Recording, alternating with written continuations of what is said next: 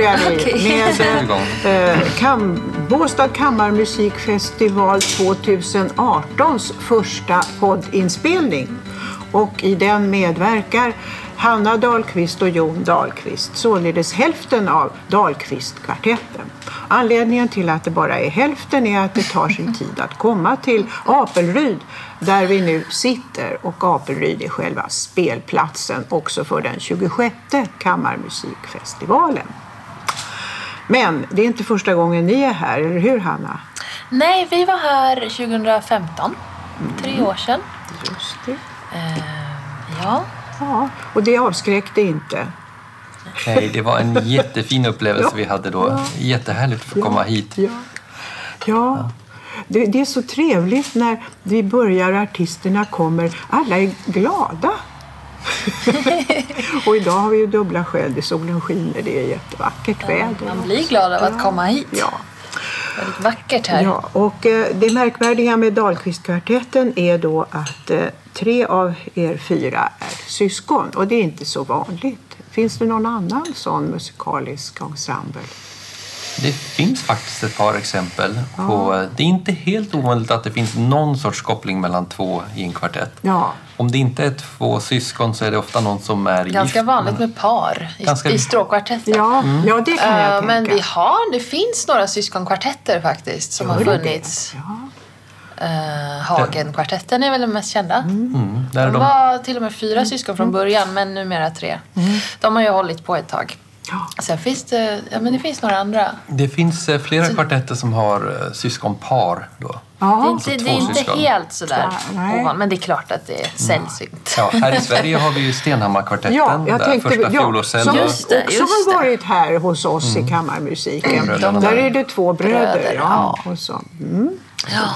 Eh, Det kanske är lättare att spela kvartett om man är, har samma blod. Ja, den frågan men- får vi ju ganska Och, ofta. ja, Eh, och vad svarar ni ja då eller? Både ja och nej säger vi då. ja, ja. Det, kan- det, det är nog lite svårare på ett sätt, men å andra sidan är det ju lättare för att blir man ovänner så blir man vänner igen. Så att säga. Inte så att man hela kvartetten Brakar faller på ihop att man har... eller bry- Nej, Mm. jag förstår. Nej, nej, man, Vi är nej. ärliga mot varandra. Ja, det är kanske ja. är det som är Och- bra. Och syskon har vi hela livet. jo, precis. Vare sig man vill eller Så inte. det, ja. Ja. det är aldrig så heller. Ni spelar ju stråkinstrument. Det är aldrig så att någon har tänkt att man skulle spela ett blåsinstrument. Det har alltid varit Nej. stråkar för er om jag har förstått rätt. Ja. ja. Jo, det har det varit Ja, hela Jag tiden. vet det. Vi har, li- vi har en lilla syster också. Hon spelade horn ett tag. Jaha. Men hon eh, la ner det och hon spelar fiol Ja, istället. det, det, ja. Men annars är det bara stråk. Ja. Eh, Men jag vet inte riktigt varför det blev så. Nej, men det. Mm. Ja. Nu hör jag till de som verkligen gillar just stråkkvartett. Jag tycker stråkkvartetten är kärnan i kammarmusiken på något sätt. Och därför är det så roligt att ni är här. Vi kommer också att få besök av en engelsk stråkkvartett. Och det- Och det är ju mer spännande eftersom de, de har vi ju inte hört förr och de har inte varit här förr. Och eh, ni ska spela eh, gamla farbror Bach och förstås Andrea Tarodi som är också årets eh, kompositör här i Båstad. Och det märkvärdiga med henne är att hon och hennes musik är så omtyckt att den spelas så mycket. Det är ju sällan någon liksom, ny och modern eh, kompositör slår igenom på det där sättet. Och det, är det er förtjänst? Det vet jag inte om det är avgörande, men vi har ju haft ett samarbete sedan, Ja. eh, nu ska vi se, fem år tillbaka skulle jag gissa. Eh, Det var så att Andrea Tarodi 2012. och Hanna Dahlqvist var båda två Sveriges Radios P2s artister under ett år, Husartister. husartist under ett år. Ah, Och då det blev det ganska glömt. naturligt Det var att... så vi lärde känna Andrea. Ja. Och så beställde Sveriges Radio en kvartett av henne som Under det... vi skulle spela då. Ja. Ah, så det var så vi lärde känna henne. Och ja, vi har liksom följts åt i varandras karriärer kan man säga. Och den här skivan det är väl såklart ja. en stor grej för henne också. Ja, så det passade ju ja, bra. Ja, visst. Det är väldigt roligt. När en, en nu levande, ganska ung kompositör vars Mm. eh, kvartetter eh, blir spelade och som folk tycker om. Ja, men det är som ett underverk. Ja, jo, men det är ett underverk. Och kvartetterna, vi blir ju fortfarande positivt överraskade hur väl mottagna Ja. hennes, hur väl mottagen hennes musik blir när vi Ja. Mm. spelar det på livekonserter. För att det är ofta så att publiken blir väldigt träffad av hennes musik. Mm. Jo. De, de Ja. känner igen sig i det, de blir Ja, för visst och- var, var, när, då i vintras när eh, vi inte var här i Apelryd utan i Ängelholm som inte är så långt bort. Då spelade ni, och visst var det, var det trean ni spelade då? Nej, det måste Nej. jag ha tagit med oss andra kvartetten då. Ja, Mm. det kanske det var. För... Madardal, den strofen. just det. det var den Ja, den kvartetten vi. Ja, så- urförde då för strax Ja. fem år sedan. Mm, just det. Och så att det var för publiken då en, en tror Mm. jag, ny, ny upplevelse. Och som, oh, alla, den, den gick verkligen hem. Ja. Det var så kul. Och då, blir man verkligen glad. Och så. Sen ska ni spela eh, Cesar Frank också. Så här är det liksom kast. Där är det ja, kast från det ena Ja. till det helt andra. Ja. Hans stora pianokvintett i F-moll. Ja. Det är ju kanske en av de mest emotionella styckena som finns i kammarmusikvärlden. Det är otroligt kraftfullt. ja. Det är kärlek eh, och hat Har ni framfört den många gånger förut? Eller? Det framgår ju inte. Ja, eller... Ja, Det är lite någon gång. otydligt. Vi har spelat den ett par gånger. Ja. Och även på Men andra håll. Men det var ett tag sedan nu. Så det ska bli jätteroligt att få träffa Love Dervinger Ja. och spela med honom här. Ja, ja. Nej, men detta ska bli... Och det tror jag också är något av ett liksom, publik... intresse just för denna. Ja, det stycket går För att, hem. ja, dels det är lite känt, så hyggligt känt och sen då är ni också väldigt kända och omtyckta så då blir det en extra, eh, ett extra Jo, men det stycket har någon sån otrolig kraft i sig alltid. Det träffar Ja. alltid väldigt starkt. Det sägs ju att eh, eh, när Frank hade skrivit och Franks fru hörde det här stycket Mm. för första gången så hade hon i, liksom, i princip lämnat in skilsmässopapperna för hon var helt övertygad om att han måste haft en älskarinna för att kunna skriva sån här musik. Och det var ju också fallet i och för sig. Så att, eh, hon hade ju inte helt menar fel. hon hörde rätt? Ja, nej, men hon hörde rätt i musiken. Det var verkligen så att han hade haft en affär. Så att det var det som hade inspirerat honom till den här starka musiken. Mm. så att det, Jag ska det, lyssna extra mycket imorgon kväll när ni framför den. Ja.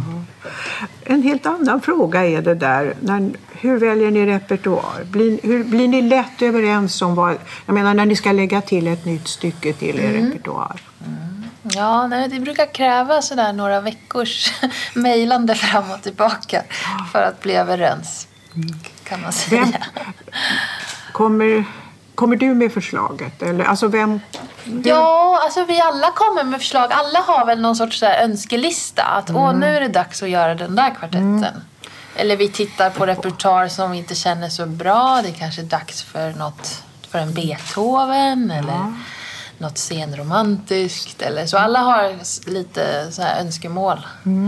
Eh, och sen så kommer ju arrangörer med önskemål och så försöker man pussla ihop det. Och så tänker man efter också rent praktiskt. Hinner vi repetera? Är det här ett svårt program? Hinner vi repetera på så och så många dagar och sådär. Ja, Så det är mycket att tänka till. ja. Hur ofta lägger ni något nytt till repertoaren? Är det fyra gånger om året? Är det en gång om året? Eller? nej, men till varje större projekt så brukar vi försöka få med oss ett nytt stycke. Ja. Men vi brukar... Vi, stråkkvartett är ju ingenting... Eller det borde inte vara någonting som man lär sig väldigt snabbt utan det ska Nej. få växa fram under tiden, riktigt bra stråkkvartettspel. Så vi brukar se till att mest ha med oss något enstaka nytt stycke helst. ja. För då kan vi verkligen lägga energi på att göra det Ja, riktigt bra. det är så jag tänker att eh, man vill... eh, Men, eh, Men vi planerar ju ett år i förväg ungefär. Vissa Ja. många konserter. Så ja, men det blir väl något sånt. Några stycken stora verk per år. ja, några stora och Några några verk. mindre verk per år.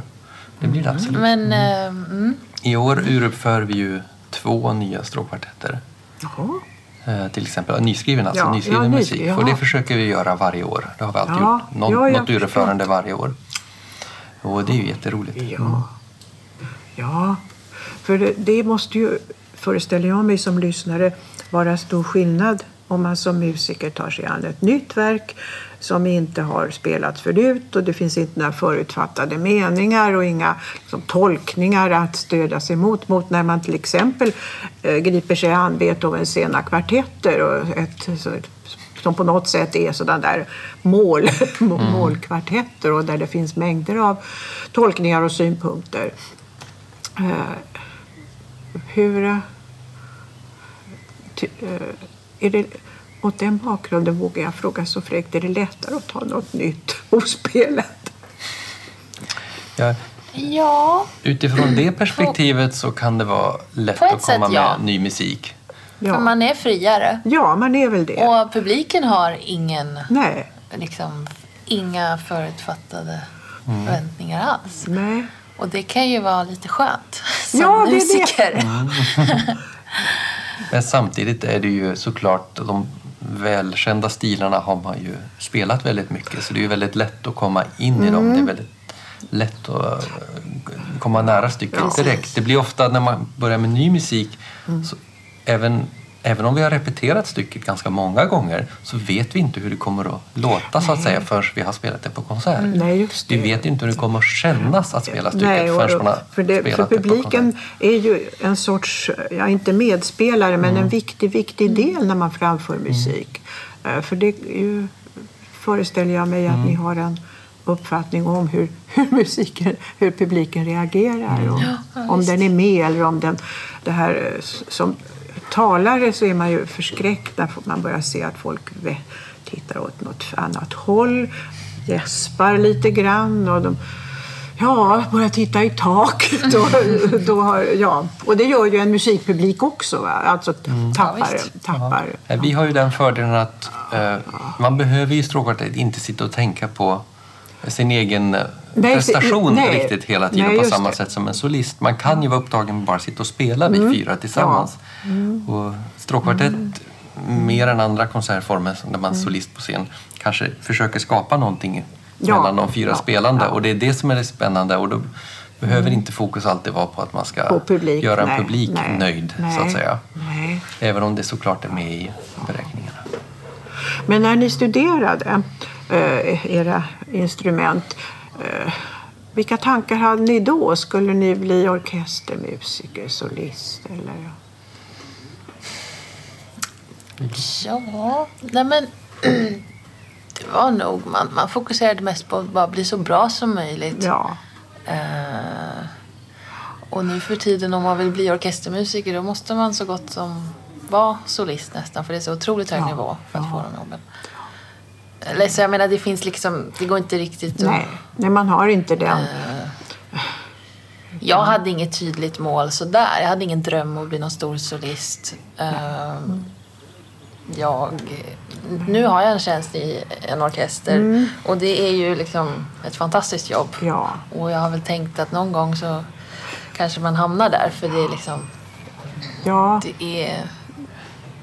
Det är ytterst förmånligt jobb att få sitta och få betalt för att spela fin musik.